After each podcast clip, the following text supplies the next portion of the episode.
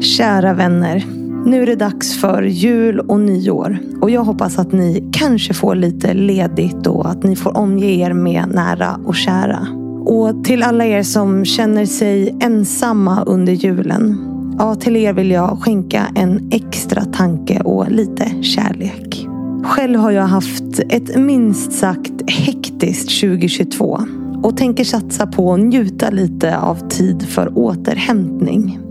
Därför kommer jag släppa några favoriter i repris under en period för att komma in i nästa år fylld av energi och möjlighet att lägga in en högre växel 2023. Det här är de avsnitt som varit mest lyssnade under året vilket gör att jag tänker att de tåls att lyssnas på igen. Den här veckan får ni lyssna till Petra Ålund, så lyssna och njut. Jag fick ett råd eh, någon gång, försök stå för dina egna åsikter. Och, och den tror jag att jag liksom har aktivt tänkt på. Sen är jag ju liksom naturligtvis, vad jag än har varit, du är jättelojal med ditt företag eller med din chef. Men att inte bli förknippad med någon. Jag har försökt liksom att, att ha en hög integritet i mina frågor. Mm. Och eh, hoppas att jag liksom blir vald eh, för mina egna meriter. Jag gjorde en tillsättning i en ledningsgrupp och då sa någon, varför tar du den här personen? Han säger ju alltid emot dig. Mm alltid tvärtom och, och är alltid knölig. Ja, men jag vet att jag behöver en sån. Mm. Och det har jag sagt till honom, fortsätt vara den här. För annars är jag kanske lite för snabb. Just det som Petra säger här, det älskar jag. För jag är övertygad om att vi behöver samtala och omge oss med människor som inte tänker som oss själva. Som ständigt vågar utmana oss i våra tankemönster. Och precis som hon säger kan det ibland bli lite knöligt och bökigt. Vilket också är förhållanden som hon själv gillar att befinna sig i. Petra har nämligen analyserat en hel del i vilka situationer hon är bäst och har kommit fram till att det är just att driva förändring och reda ut det där som är lite knöligt. Idag kommer ni få höra mycket om ledarskap men också att landa i sina egna styrkor och svagheter för att skapa de bästa förutsättningarna för sig själv. Innan vi drar igång avsnittet så vill jag precis som vanligt tacka min fantastiska sponsor Excitec som gör att vi varje vecka får lära oss nya saker. Så tusen tack för det, Excitec. Men nu, kära lyssnare, dra upp volymen och rätta till lurarna. För här kommer ett avsnitt med Petra Ålund.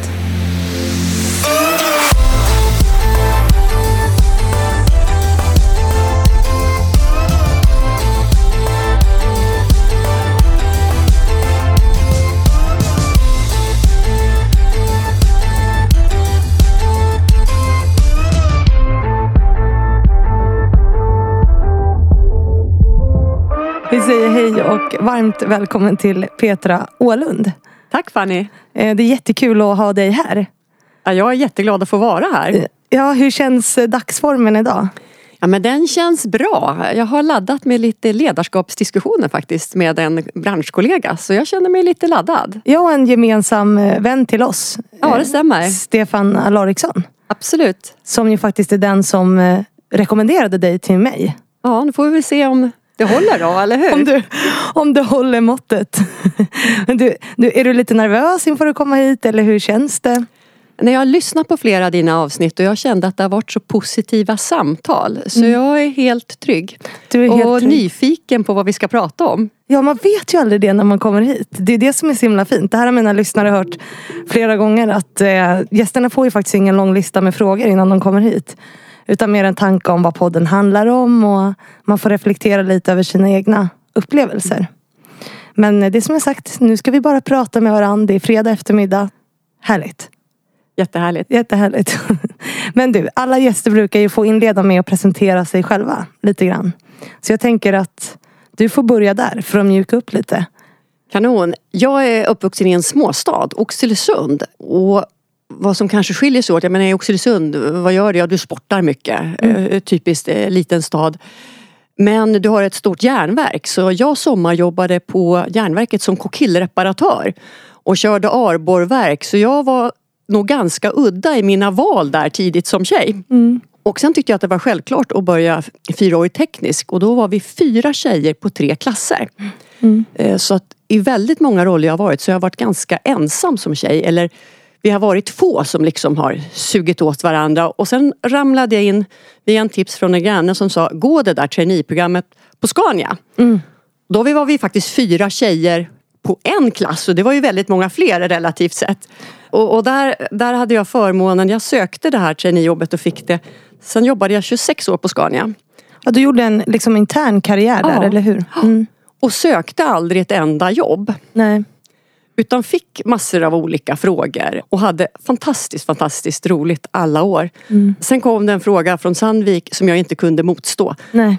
Eh, köra lite vi har på Sandvik. Det är rörigt, det är knöligt, det är jättesvårt. Och då kände jag, äh, men det är nog dags, jag måste våga. Också det här rörigt och knöligt. Ja, rörigt och knöligt och det är jättesvårt. Jag kände, äh, jag måste våga liksom ta det här steget och, och, då kände jag, då fick jag ett jättelyft i, i lärande. Liksom, det var en helt ny kultur. Jag trodde det var nästan likadant. Det var industri och det är ingenjörer men mm. kulturen var helt annorlunda. Så det var rätt tufft initialt att liksom inse att liksom ingenjörer kan vara rätt olika. Mm. Och, och, det på, på bra sätt som passar varje, varje företag. Och sen efter det så fick jag frågan, ska du inte komma och jobba på bank? Mm. Och då kände jag, men jag var ju en industriperson. Men hade jätte, jättebra samtal. Det jag är nu då, SEB och trivs fantastiskt bra var att nej men här är ju liksom IT på riktigt. Mm. Och, och, jag ångrar inte en sekund. Va? Jag förstår att det var jobbigt när man stannar ett stålverk men här kan vi stanna hur mycket som helst. Mm. Så jag tycker att det är fantastiskt roligt att jag har fått chansen liksom att utvecklas hela tiden. Så mm. just när någon har sagt att det är knöligt och svårt, då, då blir jag triggad. Vad är det som triggar dig med det? Att det är knöligt och svårt? Nej men det är liksom att få med sig alla på vad är det vi ska göra för att det inte ska vara knöligt och svårt. Mm. En del är ju fantastiskt duktiga på att få allt bara något lite bättre hela, hela tiden. Det är mm. nog inte min styrka men, men att få det där från ett knöligt läge till att få det till ett bra läge. Det har jag nog hittat att det är min grej och, och då trivs jag. Mm. Hur kom du på att det var din grej? Alltså hur hittade du det på något sätt? det tog, ska jag vara ärlig så tog det ganska lång tid för lite när jag fick mina frågor när jag jobbade på Scania, det var liksom att någon gång så frågade jag varför ska jag byta jobb så tidigt? För jag hade mm. inte kanske varit så länge. Och, och, det var nästan, och då var det inte alltid så att cheferna sa du har gjort ett bra jobb. Och då trodde jag någon gång att liksom, har, har det gått inte så bra för mig? Mm. Att jag ska byta redan. Och sa nej det är tvärtom. Det har gått jättebra för dig. Du ska göra det här för det funkar inte. Och sen började jag reflektera att nej, men de frågor jag fått det har ju varit i de här situationerna och jag mm. gillar ju dem. Mm. Så det hände någon gång när jag fick en fråga att så jag, då sa jag faktiskt nej för jag förstod att det här blir jag nog inte bra på. Mm. Men det tog ett antal sådana här att förstå att de frågor jag fick, det var någon annan som tänkte mer än vad jag hade gjort då. Att hon är bra i de här situationerna. Och sen lärde jag mig det att ja, det är här jag trivs. Mm. Så, så då liksom fick jag frågor så sa jag, nej men jag ska nog vara på ett sånt jobb. Inte på ett sånt här jobb. Vad är det som gör dig så bra på det då tror du? Det är att jag tycker att varje jobb jag fått är så genuint roligt. Ja. Men just det, vad är det som gör dig så bra på att hantera det som är knöligt och bökigt? Eh, jag hoppas att, eh, det, det kanske någon annan ska tycka, men jag försöker vara jättetransparent mm. om, om de utmaningar vi har och jag mm. försöker att involvera så många som möjligt. Mm. Och försöker liksom få att, att, besluten, om vi nu fattar vart vi ska och jag är supertransparent med det, att involvera de som verkligen kan hur vi gör det här och då inbillar jag mig, kan man förklara det på ett bra sätt så blir det inte skrämmande, det blir inte svårt. Och alla vill bidra, är jag liksom helt övertygad om. Alla vill göra ett gott jobb. Mm. Men jag brukar jobba rätt mycket liksom aktivt med det här att förstå hur ska man göra förändringen? Eh, hur mogna är vi? Är vi lojala och står bakom? Jag brukar jobba rätt mycket med de här mjuka bitarna. Vad gör du för att förstå det då? Har du någon sån här teknik eller något system för vilka frågor du ställer eller vad du jag skulle säga att det finns nog liksom ingen sån magisk grej att ta alltid. Mm. Men vi gjorde en jättestor förändringsprogram liksom, på Sandvik och då tittade vi liksom vart var vi då och, och då så funderar man på vilka batterier ska vi liksom använda? Vad, vad ska vi ha för grejer? Den, den ena var liksom att kan vi jobba med med förebilder. Mm. Så, så vi hade väldigt mycket liksom interna möten där vi liksom bad olika chefer berätta vad de hade gjort som var väldigt jordnära och, och, som var förebilder i organisationen och för att få med sig andra. Med min egen ledningsgrupp så gjorde vi olika övningar liksom faktiskt fysiskt där man tvingades att ställa sig på golvet. Var står jag i den här processen? Mm. Vad händer med mig? om jag inte har ett jobb när den här är slut, hur känner jag mig då? Mm. Och det började vi väldigt tidigt med för det var en, en förändring där vi visste att alla kommer inte ha kvar sina jobb. Och är det inte alla i min ledningsgrupp trygga med det, hur ska jag tackla det? Och, och det är ju naturligtvis otroligt utlämnande och det gjorde vi liksom i, i våran stängda grupp. Men det gjorde tror jag att vi vart liksom trygga och någon sa, nej men jag är inte trygg om inte jag vet att jag har ett jobb. Och då visste jag, det här måste jag lösa. Medan någon annan sa, det rör mig inte i ryggen. Jag, jag gillar förändringen, jag får något nytt. Mm. Och den här metoden körde vi även på flera för att förstå hur, hur ser man på den här förändringen liksom, i mig som person. Mm. Och, och dra det tillbaks till människan eller individen men, på något menar, sätt. någon sa, jag är liksom den som tjänar mest pengar i familjen. Jag kan inte veta att jag får, får tomt emellan. Nej. Eh, Hur, hur blir jag trygg i den här förändringen när jag ska leda alla andra? Mm. Och, därför, och ibland gör man förändringar som är supersmå, då har man ju inte alls de där verktygen. Nej. Eh, Då kanske det bara räcker att förklara och, och, och köra dialoggrupper. Jag är en sån som gillar runda bordssamtal och liksom att, att folk får prata Ja. kring frågan på olika nivåer. Det känns ändå som att du har reflekterat en del över vad du är bra på. Alltså vad, vilka som är dina styrkor. Eller har jag fel? Jo, det har jag gjort. jag tror att eh, skulle någon eh, träffa mig för att anställa mig så skulle någon säga efteråt Oj, du vet ju precis också vad du är dålig på. Ja. Va, vad är du dålig på? Ja, förutom då att eh, förfina saker som du sa innan eller göra saker bättre. Ja, men jag tror att det är ganska vanligt att det som är dina styrkor blir dina svagheter. Och det är klart att jag blivit bättre på mina svagheter över åren och, och kanske dölja dem. Men, men jag kan bli otålig. Mm. Och, och då kan jag bli för mycket. Men jag vet också att om, om skeppet brinner och vi ska få något att hända så har jag jätteduktig på att få med mig människor. Mm. Så att jag skulle säga att jag jobbar jättemycket på att aktivt lyssna.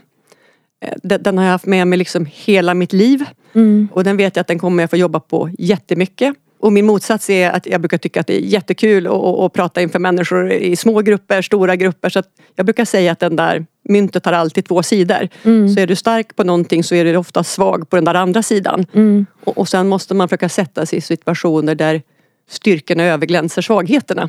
Så jag brukar säga mer, träna på dina styrkor. Ja. Så ser du inte så mycket av dina svagheter istället för att, som jag upplevde i början av min karriär, då tjatade alla bara på svagheterna. Och Jag brukar säga, säg tvärtom. Sätt en situation där- du är bra. Mm.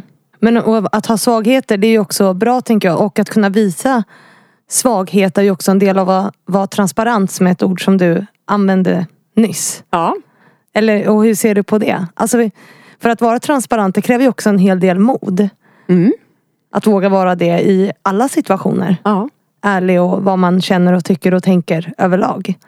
Hur, hur förhåller du dig till det? Om det är en del av ditt ledarskap? Jag, jag, jag tror att jag försöker, liksom, jag har haft någon som har sagt till- mig Peter du är väldigt kongruent och då sa jag vad menar du med det? Jo men det man ser det får man av dig. Ja. Och jag, jag försöker liksom att inte ha en dold agenda. Eh, ja, Det skulle vara möjligt, möjligtvis att det finns något som är jättehemligt för företaget. Det är klart jag inte skulle säga det. Nej. Men att liksom, om jag känner att någonting känns svårt då pratar jag om att det känns svårt. Vi hade en, en, kollega, det var jätteroligt. eh, Vi gjorde en tillsättning i en ledningsgrupp och då sa någon varför tar du den här personen? Han säger ju alltid emot dig. Mm. Alltid tvärtom och, och, och är alltid knölig. Ja, men jag vet att jag behöver en sån. Mm. Och det har jag sagt till honom, fortsätt vara den här. För annars är jag kanske lite för snabb. Mm. Och jag behöver de där mothuggen. Och jag vågar säga eh, vad, han tycker, eller vad jag tycker och han vågar säga vad han tycker. Mm. För han vet att jag är ärlig. Och, och han är lika liksom, tuff tillbaks till mig.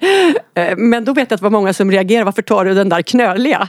Alltså, jag behöver den där knöliga. Jag tror att vi alla behöver någon som är våra motpoler. Ja, vi behöver ju alltid ha människor omkring oss som på något sätt inte tycker som oss. Det är ju där vi lär oss något nytt tänker jag. Vad fick dig att komma till den insikten?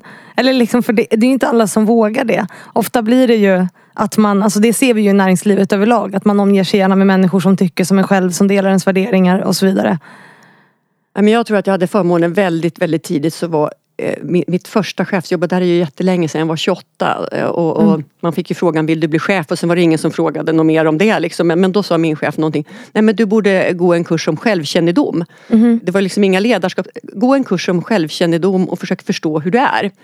Och det var liksom fantastiskt bra. Eh, Sen fick jag liksom ganska snart ett, ett väldigt avancerat team med människor som var jätte, jätteduktiga. Alla superspecialister bättre än mig på precis allting. Men vi var så olika och vi fick inte samarbetet att flyta. Och då fick jag hjälp av en HR-kollega att vi gjorde en analys i hur vi var i våra beteendestilar. Mm. Eh, Det finns ju många olika, det här tror jag var Myers-Briggs. Men då var vi liksom alla i chock att, att vi var i, om man tänker sig fyra kvadrater, vi var i alla hörn. Ja. Vi var, och det, det här var ju bara en stokastisk slump. Va? Jag hade råkat bli chef för den här gruppen och vi var i alla hörn. Och det här var ju liksom tidigt i min karriär och jag, jag, och jag, och jag liksom kommer ihåg det här när vi, vi alla tittade. Aha, det är därför ibland vi liksom ha- har lite svårt. Ja. Men, men den där diskussionen att liksom eh, jag som var i det vänstra höga hörnet som kallas motivator och några som var processorer och några som var relators. Att vi liksom sa, nej men vi kan ju ha nytta av varandra för att vi är så olika starka. innebär att jag måste ha tålamod för en sak och någon annan tålamod för mig. Men för mig att jag fick göra det så tidigt i karriären. Så då sökte jag ju sen senare aktivt att vi skulle liksom ha olika stilar. Mm. Oavsett liksom kön eller bakgrund men liksom att vi ska ha olika stilar i hur vi tar oss an frågor. Mm. Och jag var jätteglad att jag fick det där tidigt. Ja, för det gör ju att man kan se på frågor ur olika perspektiv. Ja. Med olika infallsvinklar. Ja, en del går in som producers och de säger bara nu ska vi bara leverera. Och det kan ju vara bra när någon sitter och ältar frågan lite för mycket. Va? Ja. Och någon funderar på hur, hur uppfattar man frågan för den är väldigt duktig på ett perspektiv hur en fråga uppfattas. Mm. Ja, superintressant. Och du är en motivator sa du? Jag är en motivator. Ja. Motivator eller vad säger man? Motivator? Nej, det är- Motivator säger man på svenska va? Gör man? Ja, Finns det ett ord som heter motivator? Nej, jag vet inte. Inspiratör kanske man ska kanske, ja. Och du sa tidigare också att du är bra på att få med dig människor. Mm. Vad är det du tror att du gör för att få med dig människor? Ja, men jag, jag tror att jag går tillbaka till den här att liksom Jag har haft förmånen att som jag själv tycker då, att jag alltid varit på jobb som har varit roliga. Jag har Mm. alltid älskat människorna, det jag varit. Det har alltid funnits människor jag kan lära av. Mm. Eh, Det har liksom varit min stora förmån och jag tror någonstans att när någon känner det här, att det här är någon som liksom gör det här för att man tycker att det är roligt, för att det ska bli bättre. Det blir ett helt annat liksom vi. Mm. Jag ser ibland det där när någon tar ett jobb där man inte riktigt trivs eller tycker att det är roligt eller lite obekväm. Det känner alla av. Mm. Det blir liksom inte riktigt samma. Det, det blir inte riktigt sant och, och, och jag brukar säga till någon när man liksom väljer jobb, liksom, men om du inte tycker att det är roligt, hur, hur bra blir du då? Och, och sen så har jag liksom lärt mig över åren att jag tycker att det finns alltid något roligt i en fråga. Eh, jag menar för, för frågorna blir stora så finns det alltid något knöligt och svårt och det finns alltid någon att lära Ja, av. jag Så det är ju en det liten där. attityd liksom. Jag älskar att så här, det här knöliga är liksom din passion på något sätt. Jag tror vi är ganska lika där. Ja. Jag, jag tycker också att det är, är kul att, att lösa ut knöliga frågor. Mm. Men det kräver ju en viss typ av ledarskap. Mm. Jag vill backa tillbaks bandet lite grann. Eh, För nu har vi varit inne på ditt ledarskap och liksom var du befinner dig just nu. Men du började ju att eh, plugga teknik sa du. Mm. Vad var det som lockade dig dit? Ja, jag tror att jag, jag var väl liksom sån här person som var allmänt duktig i de flesta ämnena i, i grundskolan. Eh, men då hade jag liksom fått för mig att man, man måste, matte är bra, eh, man, man liksom måste läsa vidare för att ha en karriär. Och, och då var det också lite så att läser du fyra år tekniskt så kan du få ett jobb eh, direkt efteråt. Det här var ju ganska länge sedan. Så då tänkte jag, nej men det är väl bra att gå det först och sen kan man plugga vidare. Men då har man i alla fall fått en utbildning som man kan få ett jobb kring. Jag tror att min man skulle inte säga att jag är teknisk egentligen. Men, men det var nog mer att ja, men det är himla bra liksom. Ja. Och jag tycker teknik är roligt. För vad läser man när man läser teknik? Ja, det här, det, när man läste det här, det här var ju på gymnasiet. Jag läste då, eh, då läste jag till, hette då maskiningenjör. Så då var det liksom att konstruera olika saker. Men du läste ju väldigt mycket som en naturperson läste. Du läste matte, du läste teknik, kemi, fysik, biologi. Och du läste språk. eh, Och du läste lite mer teknik bara ditt sista år. Men annars väldigt mycket som en naturperson. Så jag tror att det, det som lockade var nog att du kunde faktiskt få ett jobb efteråt. För vi pratar ju ofta om det, så att inom IT-branschen och inom eh, industribranschen så, där, så är det ju inte jättemycket kvinnor. Eh, Det finns ju en utmaning att, att få in och behålla kvinnor i branschen. Många gånger pratar vi om det här med just utbildningar och att vi måste börja tidigt liksom med att utbilda tjejer inom teknik och inom IT och sådär. Vad tror du liksom är hindret för att kvinnor eller tjejer inte gör det? För du valde ju det. Ja, jag, jag, tror, jag tror liksom, den här frågan har jag upptagit liksom nästan, jag ska inte säga hela mitt liv, men en stor del av, av mitt liv. Och jag tror att mycket handlar om förebilder. Mm. Jag tittar på mig själv, Vi- min faster hade läst på, jag har också läst på universitet, mm. men min faster var den enda i hela min släkt som hade läst på universitet. Ingen på någon av sidorna förutom min faster. Så hon vart ju min förebild. Hon mm. hade ju pluggat. Vet, kom från Norrland och åkte ner till Stockholm. Hon, hon hade pluggat. Mm. Eh, så hon vart min förebild. Eh, för om jag frågade någon hemma i Oxelösund, ska man läsa vidare? Nej, man, man går klar gymnasiet och man börjar på järnverket. Mm. Och, och, alla var jättelyckliga. Mm. Men jag hade den där fasten som hade studerat. Det visste jag att man kunde göra. Så jag tror att det handlar jättemycket om hur blir man exponerad av förebilder. Mm. Och hur ser man i sin omgivning. Och att jag tror att det ibland kan vara väldigt svårt om du inte ser någonting i din omgivning. Att, och, och, och sen kan jag säga att det är kanske mycket, mycket enklare idag. Men jag tror att du påverkas starkt av din omgivning. Vad du ser runt omkring. Mm. Och, och, jag tror liksom att kan du tidigt eh, få, få, få liksom hjälp med att förstå att det här är inget konstigt, det är inte svårt, det är inte genom fördomar att vare sig läsa inom vård eller läsa inom matte eller vad det är, att, att du förstår att det här är lika möjligt för alla. Det är tidigt. Mm. Att man börjar inse det? Vad ja, att man börjar liksom prata om det här. Jag försökte jättemycket pusha för att vår dotter skulle bli ingenjör mm. förstås. Då, eh, och läsa matte och allt sånt här. Och, och, och, och, hon tyckte matte var jättekul. Så kom hon fram till nej men så kul inte, är det inte. Nu läser jag ekonomi språk. Bra, men liksom hon hade ju i alla fall hela vägen fram i gymnasiet haft samma möjlighet. Och, och mm. samma sak med vår son. Mm. Begränsa inte möjligheten. Om du sen väljer något helt annat men, men jag tror att ibland så blir, begränsar vi bort för tidigt för att vi säger att matten är svår. Mm. Och så stänger vi någonting och så ser jag där, får du lite extra hjälp så blir ju inte matten svår. Och sen kan du välja men, men för tidigt så, så väljer vi bort för att, för att, vi antingen inte ser förebilder tror jag eller att vi tycker att ett ämne är svårt i skolan. Mm. Sen tror jag många, det här kan vara, nu är jag inspirerad av en dokumentär jag tittade på nyligen men Många unga kvinnor idag tror jag att man får en chock när man kommer ut i livet. För jag tror att många växer upp idag med tron om att man liksom är att värderas lika högt som, som pojkar. Att man liksom är en människa och inte ett kön. Men att många unga kvinnor blir chockade när man kommer ut i arbetslivet och liksom, eller i skolan eller på universitetet och inser att det inte riktigt är så. Vad är dina tankar om det? Jag är ju så liksom extremt positiv. Jag, jag, ja. jag, menar, jag var ju i en miljö där jag, jag menar nu, det är nu så är det ju liksom fantastiskt. Jag har ju aldrig varit där det är så mycket kvinnor. Eh, någonsin och även inom IT. Men alltså jag vet inte vad jag ska, vad, vad jag ska säga. Liksom, jag, jag, tror att man måste prata om det här om man känner mm. så. Mm. Och få upp frågan. Jag kan mm. väl säga att jag har ju alltid hållit de där få tjejerna så nära mig och så har jag känt att ja, men det, det har räckt för mig för det, jag har ju inte haft något mer. Och jag tror att det är så viktigt att våga prata om hur man känner för att jag tror att en del förstår inte det och det är ju så olika. Det kan ju vara vem som helst som känner sig utanför på en arbetsplats. Mm, absolut. Och, av alla möjliga skäl men att våga prata om det här och hitta då, så tror jag att man som tjej, mm. hitta någon annan tjej och prata om det här och sen då kanske våga prata om det i plenum mm. i sin grupp. För, för jag vet ju som har varit med så mycket killar att överallt jag varit alla vill ju ha fler tjejer. Du, du mm. ser ju själv att det blir mycket bättre när du har blandade grupper. Mm. Eh, så, så de flesta team brukar bli superglada om det kommer in tjejer. Men jag mm. vet också hur svårt det är att vara ensam tjej. Mm. För det har också varit, det är inte alltid så lätt. Vad är det som har varit svårt med det då? Jag har ett sånt här jättekul exempel. Det var ju precis när jag liksom började och, och då jobbade vi med smideskomponenter till lastbil. Leverantören var i Tyskland. Jag var ju då 20-årsåldern. Ja. Och, och, jag hade ju läst på som tusan om det här och, och, ringde och jag pratade om mina komponenter och vi pratade på tyska. Och, och, jag var jättenöjd. Det här gick jättebra med den här leverantören. Sen kommer min chef springande och han var, han var, han var jätte, jättebra. Han sa, ja det här är helt otroligt. Det har ringt, den här leverantören har ringt, han har sagt att det måste vara något fel. Ja. Det, det, ringde en ung tjej. Hon pratade om de här sakerna. Det var nästan inga tjejer i den branschen. Nej. Hon pratar dessutom på tyska.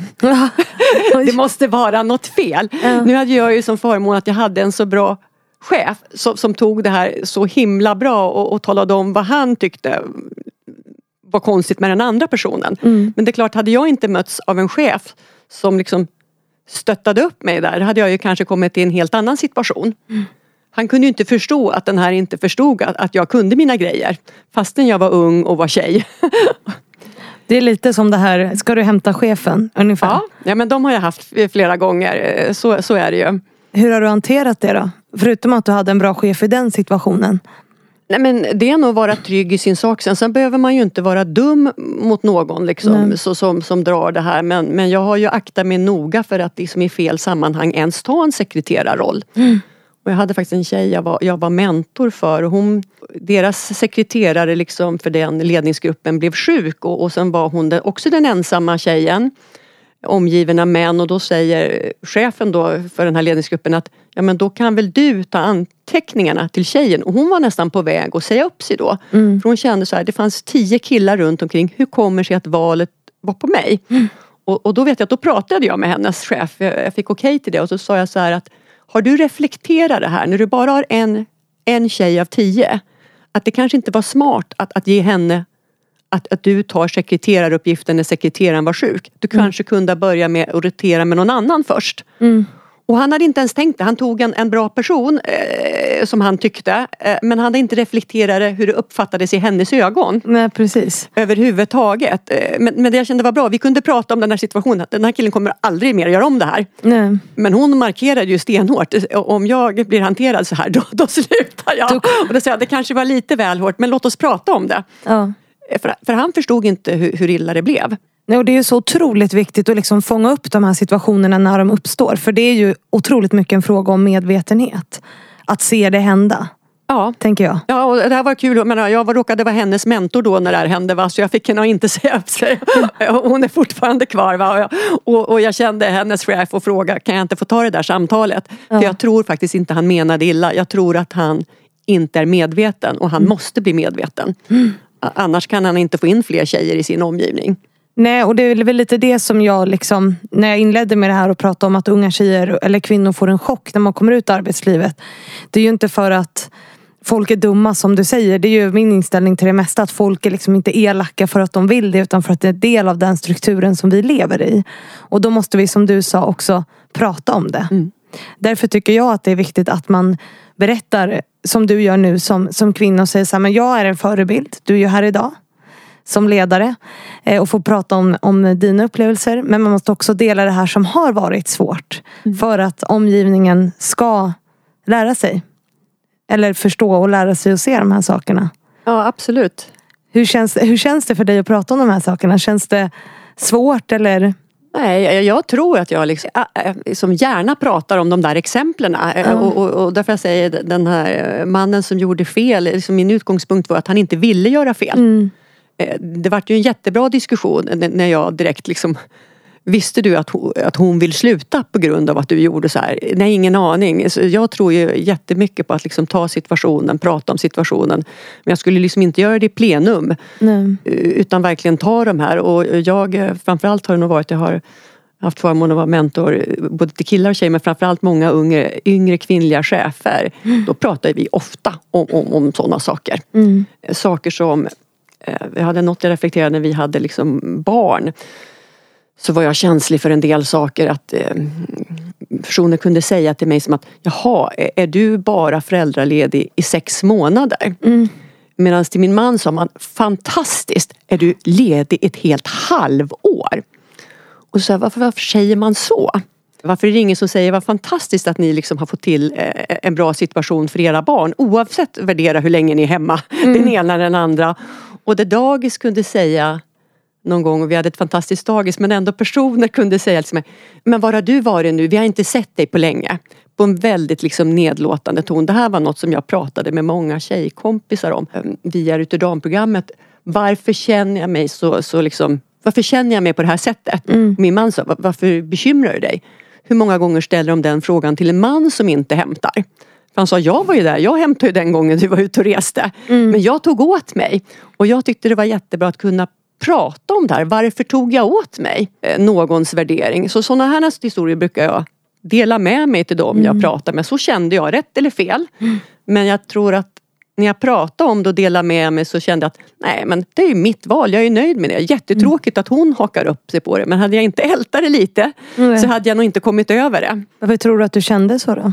Eller varför kände Nej, jag, du så? För... kände att ja. när hon sa det så var det ju en negativ bemärkelse. Jag var inte där och, och, och hämta och lämna mina barn som jag borde. Nej. Och, och sen jämförde jag med någon kille som var ju reste lika till mig. Han fick ju aldrig den frågan. Nej, han fick aldrig höra. Han fick aldrig höra det exakt samma dagispersonal. aldrig höra den. Utan den fick jag för att jag var tjej av en annan tjej. Mm. Som skammade dig. Det kallas ju Ja. för momshaming. Ja. Det är inte helt eh, ovanligt. Och- Nej men det, det som hjälpte mig var ju att liksom våga prata om det och prata med andra varför jag kände så här och, och sen bestämma sig att nej men det här tar jag inte åt mig av. Men jag tog åt mig av det så att det jag kan göra det är väl att dela av sig med andra att ja, ibland tar man åt sig av saker. Då gäller det ju liksom lyfta upp det då och sen bestämma sig Ska jag bry mig eller inte bry mig? För om jag tyckte att de hade rätt då hade jag ju ändrat på mig. I det här fallet så tyckte jag inte att de hade rätt. Det gäller ju också att lägga energin på rätt saker tänker jag. Inte på de som är negativa. Nej, Alltså kritik kan ju vara bra men, men all kritik är ju Nej, men jag brukar inte... prata om det här assa och dissa. Det här valde jag aktivt dissa. Ja, och dissa dem. Vad är assa då? Assa är, det är när du faktiskt får eh, en bra feedback. Ja. Att ta åt i den och krama om den. Eh, Men det är ändå bra att förstå först, låg det någonting i den där när hon sa? Och sen bara aktivt säga, nej men hon har fel. Det där dissar jag. Vi ska gå tillbaka till en annan sak som du eh, sa väldigt tidigt. Eh, som jag la här i mitt eh, bakhuvud i min hjärna. Eh, du pratade om eh, Scania och att du var där och gjorde karriär. Du började som trainee och sen har du liksom jobbat upp dig. Du var väl, eh, nu ska, kommer inte jag ihåg exakt för det var någon fin engelsk titel på Scania. Eh, att du var Group IT eller vad var det var någon jättehög titel. Ja, det var säkert många tjusiga titlar. Vi gillar ju det inom industrin. Ja, ha inom industrin titlar. och IT så har alla sådär jättefina titlar. Som, ja, men du, du fick i alla fall en väldigt fin titel. Absolut. Eh, Men du sa också att du eh, blev tillfrågad. Du sökte aldrig något jobb. Vad tror du att det beror på? Ja, men det, den ena tror jag faktiskt, om jag tittar på i början av min karriär, var nog att man såg att den här profilen passar väldigt bra in. Att, att man tänker sig att eh, den kan göra liksom ett gott jobb. Sen tror jag att jag har haft förmånen och haft några bra sponsorer. Som kanske inte alltid varit helt uttalade men liksom som har sett något i mig mer än vad jag själv har gjort. Som faktiskt också ibland inte har, har sett till att jag inte har fått erbjudanden men har fått rätt erbjudande för att det ska utveckla mig. Så jag måste säga att jag har haft jättetur och jag har ju försökt ta vidare det här med att liksom försöka vara aktiv sponsor med liksom där man är lite dold. Det här att man pushar personer som inte vet om det och jag vet att jag hade några sådana på Scania som liksom trodde på mig och som de puffade mig. Du gör det här liksom. Utan att jag kanske riktigt förstod det förrän senare. Eh, För att jag liksom inte skulle få något stopp på, ja, på alla möjliga sätt gav mig feedback och gav mig möjligheter. Så det har jag tagit med mig liksom, nu i den roll jag har att försöka se vilka kan jag sponsra lite extra. Och det är inget jag pratar om men, men liksom det jag ser någon som jag tycker är bra. Eh, kan man erbjuda ett svårare jobb lite tidigare, ge ett uppdrag som man blir exponerad. Eh, försöka hjälpa till lite extra. Så jag tror att jag hade förmånen och hade, eller jag vet att jag hade förmånen och hade några bra sådana här sponsorer. Men det är ju omöjligen bara tur. Du måste, du, du måste ju säga ja. Så det finns inget som heter tur. Eh, jo, det är klart att det gör till viss del. Men jag tänker att för att de här människorna skulle vilja sponsra dig. Nu börjar jag gräva. Nu ser du lite sådär obekväm ut. Nu börjar det bli jobbigt här. Eh, nej men någonting måste du ha gjort för att de liksom skulle vilja sponsra dig. Det är inte så att de hippity-happ bara tyckte att du var bra. Eller förstår du hur jag... Ja, ja absolut. Nej men, men så är det. Jag, jag är jätteglad när jag tar mig an någonting. Det- är från att, att man sprang 800 meter som liten eh, till, till liksom att få ett jobb. Jag vill lyckas. Jag vill lyckas otroligt väl. Jag vill lyckas eh, med mitt team. Jag vill att alla ska vara jag vill att alla liksom ska bli bättre än mig och jag vill lyckas med uppdraget. Och det har vi gjort. Sen har det varit olika svåra uppdrag. Det har tagit olika lång tid. Men jag skulle säga att ja, skulle du fråga på många ställen så skulle man säga att vi hade en jättebra tid tillsammans. Vi hade jätteroligt och vi uppnådde våra resultat. Och ibland fick man vara väldigt uthållig för att nå dem. Så det är klart i sådana här stora organisationer om du inte gör dina resultat eller att dina medarbetare inte trivs, det hörs. Det hörs liksom väldigt fort om det går snett även om det är en stor koncern eh, liksom på 50 000. Det hörs jättefort. Så, så det är klart att vi gjorde bra saker. Och på sådana här stora bolag så är det ofta väldigt mycket internpolitik. Eller det är i alla fall min uppfattning. Jag har ju varit på några större nu företag och, och ser ju det att det handlar jättemycket om vem du allierar dig med. Är det något du har gjort medvetet eller har du? Eh, jag fick ett, ett, ett råd eh, någon gång. Det var liksom att försök stå för dina egna åsikter. Ja. Och, och den tror jag att jag liksom har aktivt tänkt på. Se- Sen är jag ju liksom naturligtvis vad jag än har varit. Du är jättelojal med ditt företag eller med din chef. Men att inte bli förknippad med någon. Det finns ju andra som har haft strategier att nej, men liksom jag ska ha min karriär tillsammans med den här personen. Jag har försökt liksom att, att ha en hög integritet i mina frågor. Mm. Och eh, hoppas att jag liksom blir vald eh, för mina egna meriter. Och, och då tror jag att man också har en fördel för är det så att någon inte gillar den där andra personen man, man identifieras med eh, så, så blir man vald på egna meriter. Så, så den fick jag i ett råd att försök liksom Tänk på det här. Och då har det kanske oftast varit om man har jobbat med väldigt starka karaktärer. Att förknippas du för hårt med den där personen så kanske någon tror att du är precis likadan. Så då har jag tänkt på att nej, men jag måste ju vara sann mot mig själv. Och, och, och stå för det jag tycker. Eh, Och det innebär ju inte att du inte är lojal med allting annat. Men det finns andra som väljer att inte ha en egen röst. Mm. Så det tror jag att om du skulle fråga någon så skulle man säga att eh, jag sa nog precis vad jag tyckte. Gör du alltid det i alla situationer? Privat och så också? Eller är det bara kopplat till ditt ledarskap som Ja, jag har nog liksom blivit mycket bättre på att eh, fundera på när man ska göra det. Ja, precis. Det måste jag ärligt säga. Eh, Skulle någon titta på mig när jag- var yngre så skulle jag liksom säga där man eh, tittar på, på det här liksom med, med hur ska man nå ett mål. Att, att liksom jag, jag ville vinna varje slag.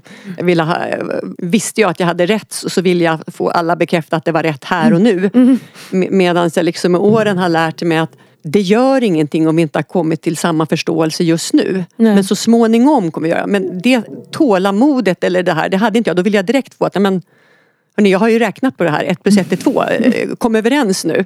Där har jag liksom blivit mycket Kör bättre att vä- vä- vän, vänta. Ja. Eh, Sen kanske det inte blir precis som jag hade tänkt heller. eh, Utan då spar jag på min tanke lite grann. Men du säger det att du, det du har gjort rätt är att du liksom har tyckt att det, det du gör är väldigt roligt. Och du har också visat på väldigt bra resultat. Jag har tolkat dig rätt. Ja. Och det är ju något som kommer upp ofta här, liksom att visa på resultat, det är något man behöver göra. Och många av de kvinnorna som har gästat mig är ju väldigt högpresterande kvinnor överlag. Har du någon gång upplevt att du har behövt prestera mer i förhållande till dina manliga motsvarigheter? För du har ändå varit i en väldigt manlig värld. Men jag, jag kommer ihåg och, och när vi började som då traineer på Scania, de här fyra tjejerna som vi var Av hur många var det då? Ja, 30 då kanske va. Och jag tyckte det var väldigt bra och ärligt och så sa de så här att vi har inte haft så många tjejer alls här och ni kommer komma ut på en del praktikplatser där det inte har varit någon tjej. Ni måste vara bättre än killarna. För om ni är, är bättre så kommer vi kunna ta in dem nästa. Och jag kände det här var ju tufft liksom och ibland kände jag att vi fick liksom tuffare feedback. Men samtidigt så kände jag att det här var ju väldigt ärligt för de visste ju att, att lyckas inte vi på de här arbetsplatserna så får de ju jättesvårt att promota in en annan tjej. Men, men den tog mig ganska hårt liksom och, och vi hade några diskussioner emellanåt. Framförallt jag och en av mina bästa vänner att nej men, nu, nu är man väl tuff på oss. Men, men jag tror att vi någonstans gick tillbaks till det här att vi kommer bana för fler. Därför att det visar att det är inte omöjligt att jobba i gjuteriet om du är tjej eller jobba med verktyg. Det är inte alls omöjligt. Eh, Så jag tyckte att det var väldigt ärligt. Men samtidigt helt galet ju. Det är helt Alltså, galet, det är ju- ja. Och det här, det här var ju rätt många år sedan. Men, men, men vi var ju på flera arbetsplatser där de aldrig hade haft en tjej på den arbetsplatsen. Så det är klart att vi var superudda. Men det här förekommer ju ändå idag skulle jag vilja påstå. Även om det här var länge sedan och väldigt uttalat så är det här väldigt många kvinnors upplevelser. Alltså jag, nu har jag ju ganska mycket följare på sociala medier och ställer jag en fråga Är det så här för dig? Så svarar ju 90% ja. Jag har högre krav på mig än vad mina manliga motsvarigheter har. Hur tror du att vi kommer åt det? Ja, jag skulle ju önska att, att eh, de... Att det inte var så? Ja, framförallt. Men jag skulle önska att de vågade spegla det. Ja. Eh, För jag tycker att det som eh, var för mig då, det var lite för historisk tid. Att nu, att man upplever så att våga spegla det. Hur gör man det då? Igen, prata i små grupper, våga lyfta upp. Så här uppfattar vi det och få upp frågan på bordet. Och jag är helt säker på att är man i en bra kultur och en bra struktur så kommer man ta den feedbacken. Och förstå. Men jag, jag tror verkligen att man inte förstår då. Jag menar, skulle någon säga till mig att, att, att jag gör det eller någon hos mig. Jag skulle göra allt för att liksom komma till rätta med det. Jag skulle bli helt förstörd. Men, men jag är helt säker på att det kanske kan förekomma någonstans men vi har inte sett det eller inte förstått det. Nej. Det kände jag, det kunde jag inte säga på min tid att någon skulle säga utan då var det bara att acceptera. Men, men jag känner att idag in, inte acceptera, det vore helt fel. Men hur kan man som ledare ta reda på det då, tänker jag? För att det är också, det är klart att vi ska våga prata om det, men jag tänker att man som ledare har ett jätteansvar att lyfta det. För det kan ju också vara jobbigt att som kvinna eller man, oavsett vilket kön man har, att behöva liksom bära ansvaret till att det ska bli en typ av förändring. Jag tror ju väldigt mycket på att liksom ha samtal mellan olika nivåer av strukturer. Mm. Jag, jag hade förmånen att ha en reversed mentor eh, här för ett tag sedan som jag har också fortsatt liksom kontakt med som, som, som kunde liksom ge sina perspektiv. Hur är det att göra den här yrkesrollen nu? Mm. Vad var det för, var det en yngre kvinna en, då? En, en, det här råkar vara en yngre man. Ja. Men liksom jag kände att nej, men, han ger ju perspektiv som jag har glömt bort hur de är. Mm. Jag vet inte hur de är. Liksom att, att ta samtal där du inte är så nära din närmaste kollega hierarkiskt. Mm. Utan gå förbi. Jag hade någon fantastisk tjej och jag var så otroligt stolt. Hon hade suttit med en kvinnlig kollega och så bollat eh, deras förebilder. Och hon jobbar på en helt annan del av banken. Och sen hade hon bestämt sig för att jag var hennes förebild. Mhm. Och jobbar inte med IT, jag jobbar med något helt annat. Och skickar världens gulligaste mail. Och det slutade med att vi hade en lunch veckan. Ja, fint. Ja, men det jag tyckte var så bra att jag fick ju höra saker av henne som jag inte annars får höra. Nej. Vad var det då? Ja men liksom hur, hur vissa lösningar kunde uppfattas. Får man gå och prata med vem som helst? Mm. Där hon sa att ja, men där jag har varit just nu så kanske man inte får gå och prata med alla runt omkring för det kanske upplevs som konkurrens. Och sen mötte hon mig och sa nej, nej du kan gå och prata med vem du vill. Ja, och då fick jag liksom höra att ja, men så här upplevde hon det. Mm. Och då kände jag, men det där har inte jag sett. Nej. Nu råkar det inte vara just på min del men det spelar ingen roll. Bara genom det här samtalet så att hon upplevde saker som jag inte såg. Så, så jag tror att är, är man ledare och har varit en stund så har man ett ansvar att liksom skaffa sig sätt att, att höra och, och, och prata med personer. Jag vet jag hade en kille, det var jätteroligt, vi skulle göra om det var några år sedan vi skulle göra om eh, på ett ställe och, och, och, då hade han läst på jättemycket. Han som man ska vara en transformative leader. Ja. Eh, Och, och, liksom, Ja, det är viktigt. Ja, och så kom han och knackade på hos mig. Nu när du gör om nu, hur säkrar du att alla ledare är bra?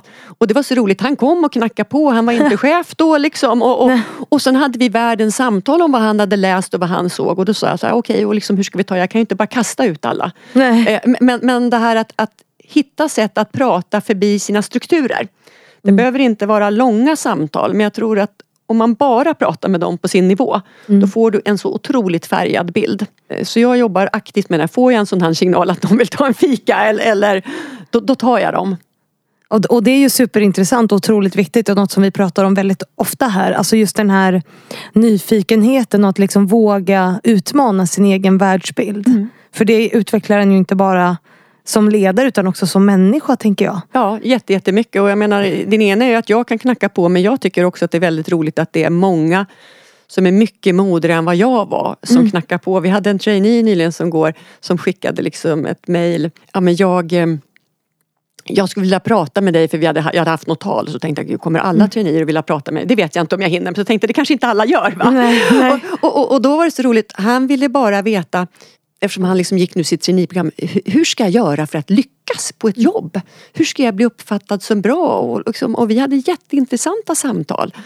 Hur han uppfattade saker och ting. Och, och det känner jag, det ger, jag tror inte många förstår hur mycket det ger för den andra. Nej. Ha- Han går därifrån och, och var nöjd med några råd men jag är minst lika nöjd om inte mer. Jag fick höra funderingar från en trainee. Vad, vad var hans fundering? Han ville veta vad ska jag göra för att lyckas här? Ja, och, och, och det var så roligt. Den här killen hade jag ju naturligtvis liksom kollat upp lite. Han, han är jätteduktig på det han gör. Han är otroligt ödmjuk. Han delar med sig. Han vill hela tiden lära mer. Han hjälper alla. Vad jag liksom redan hade sett var att han hade redan alla rätt. Och jag gav väl något råd. Byt inte jobb för snabbt. Se till att du lär dig någonting innan du byter ditt jobb. Men, men fortsätt att vilja lära, dela med dig med andra och vara ödmjuk. Eh, Men det var lätt, han, han hade ju väldigt, väldigt många rätt. Men han vill liksom förstå vad är det man värderar, vad är det man tittar på? Eh, och och då, då knackade han på oss det han tyckte var högsta för att han ville höra det. Eh, Superbra! Och det här, det här tar mig in på en fråga som jag hade och som också var en fråga från min sponsor Excitec. Som är för du, när du satt i ledningen på Sandvik, eller när du var Mm. eh, ansvarig för all IT på Sandvik, så skapade ju du en jämställd ledningsgrupp. Eller, eller ni var fem kvinnor av nio totalt. Mm. Ja, vi var nog hyggligt många tjejer ett tag. Vilket sifferminne jag har, eller hur? Ja. Jag kanske också skulle bli tekniker. Nej. Nej. Nej men du lyckades ju med det. Och en av anledningarna var att identifiera och coacha människor som har fallenhet för ledarskap men som kanske inte vet det själva. Och då är frågan eh, från mig och Excitec, liksom, vad, vad är det du tittar efter då? Som jag sitter i en ledningsgrupp och ska hitta människor som den här personen ska vi satsa på. Vad är det du letar efter då?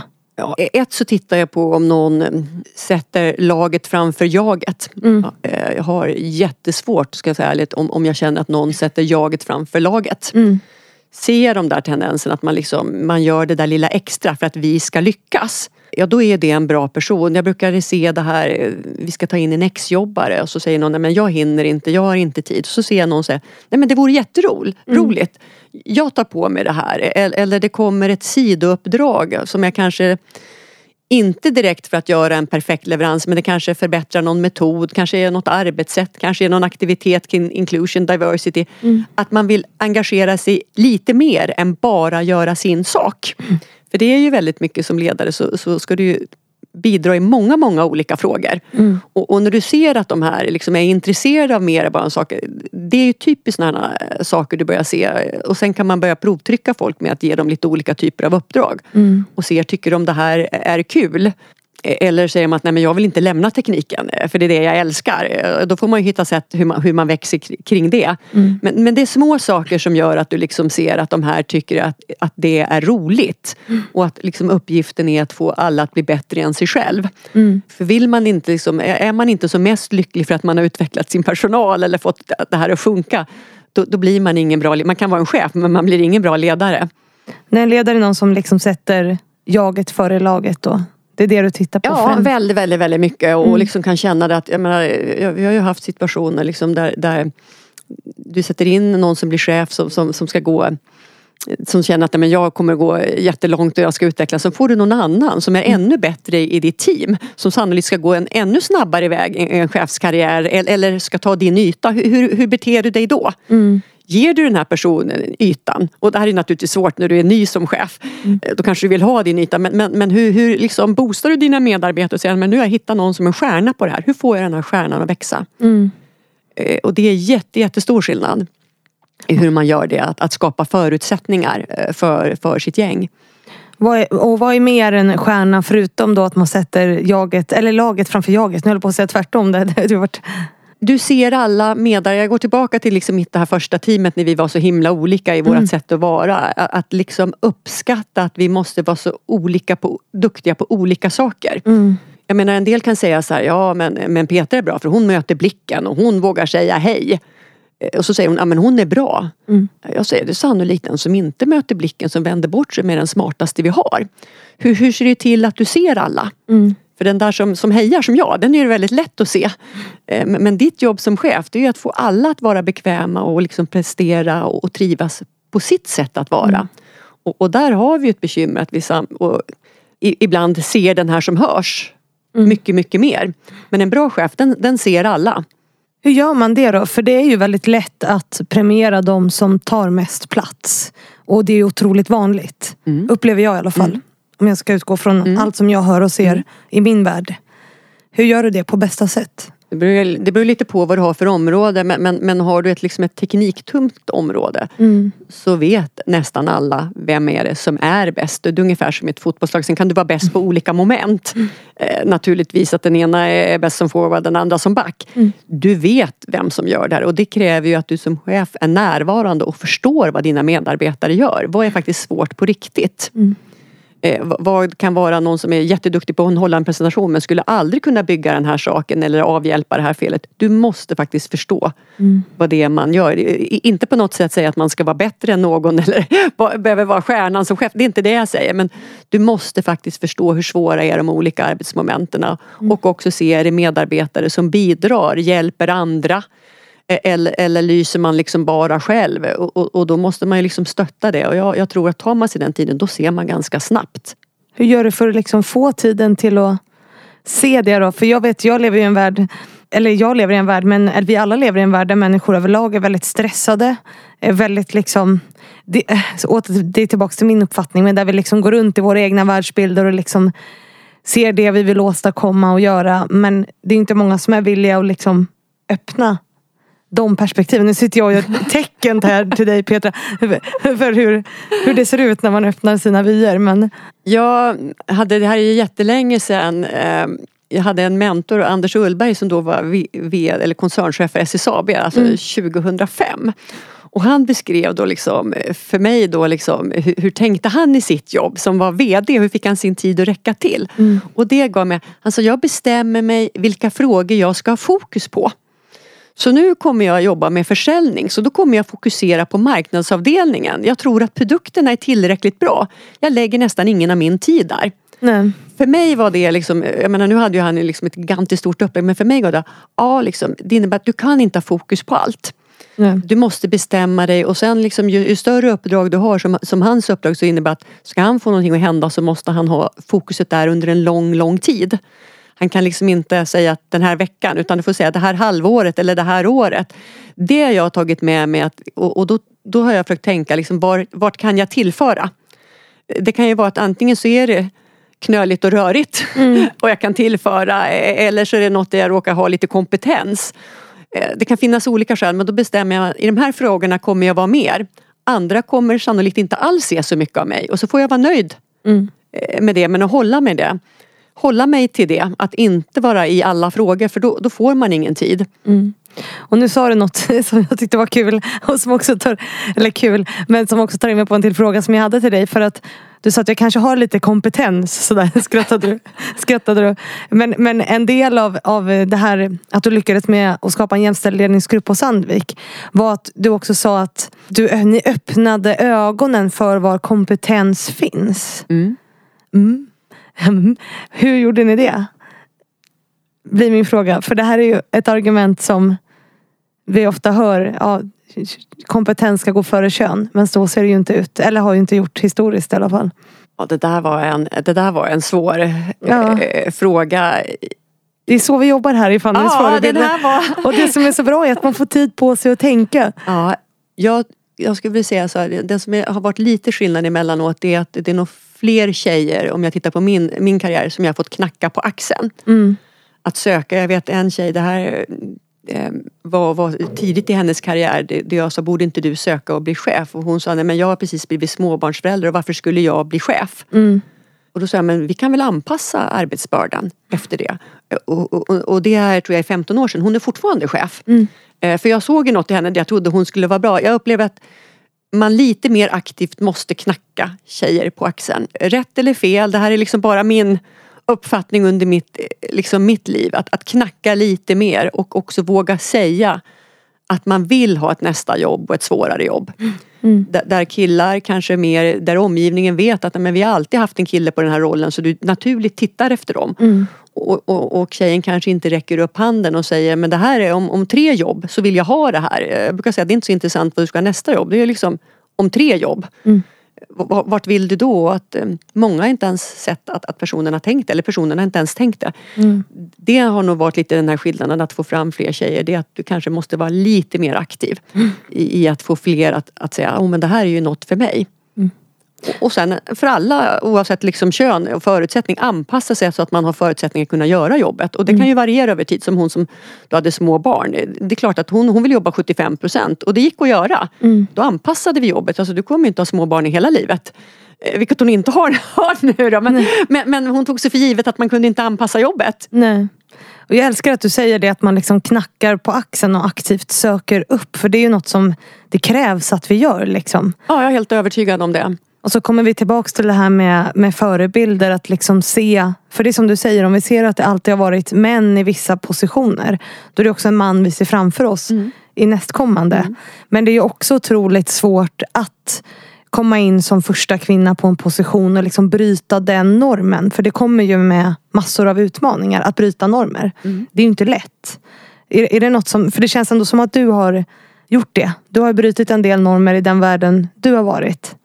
Jo men i, i början så, så var vi ju väldigt, väldigt få tjejer eller, eller ibland mm. ensamma. Mm. Eh, men, men, jag har ju liksom trivs med jag gjort. Jag har trivts med alla liksom människor. Mm. Så, så jag har ju liksom inte inte känt att det har varit något konstigt. Det har ju Mm. bara varit, det har bara varit få.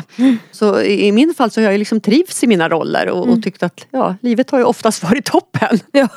Gud vad skönt att Eh. känna så. Ja men, men sen då mer blivit glad för om det kommer fler tjejer. Mm. Och, och också då som du säger ibland reagera på när någon säger åh vad roligt att en tjej fick det här jobbet och då kan jag då, och det vet jag att det är lite jävigt men jag kan säga nej men jag hade velat att hon istället blev motorchef. Mm. Jag hade inte velat att hon blev chef för den här administrativa funktionen. Jag hade tyckt att det var så roligt om det var en kvinna som aldrig hade varit här. Mm. Eh, Så det är klart att jag jag går och liksom hoppas som alla andra att det ska inte påverka varifrån vi kommer, vad för kön vid en tillsättning och, och där tror jag att det är bra.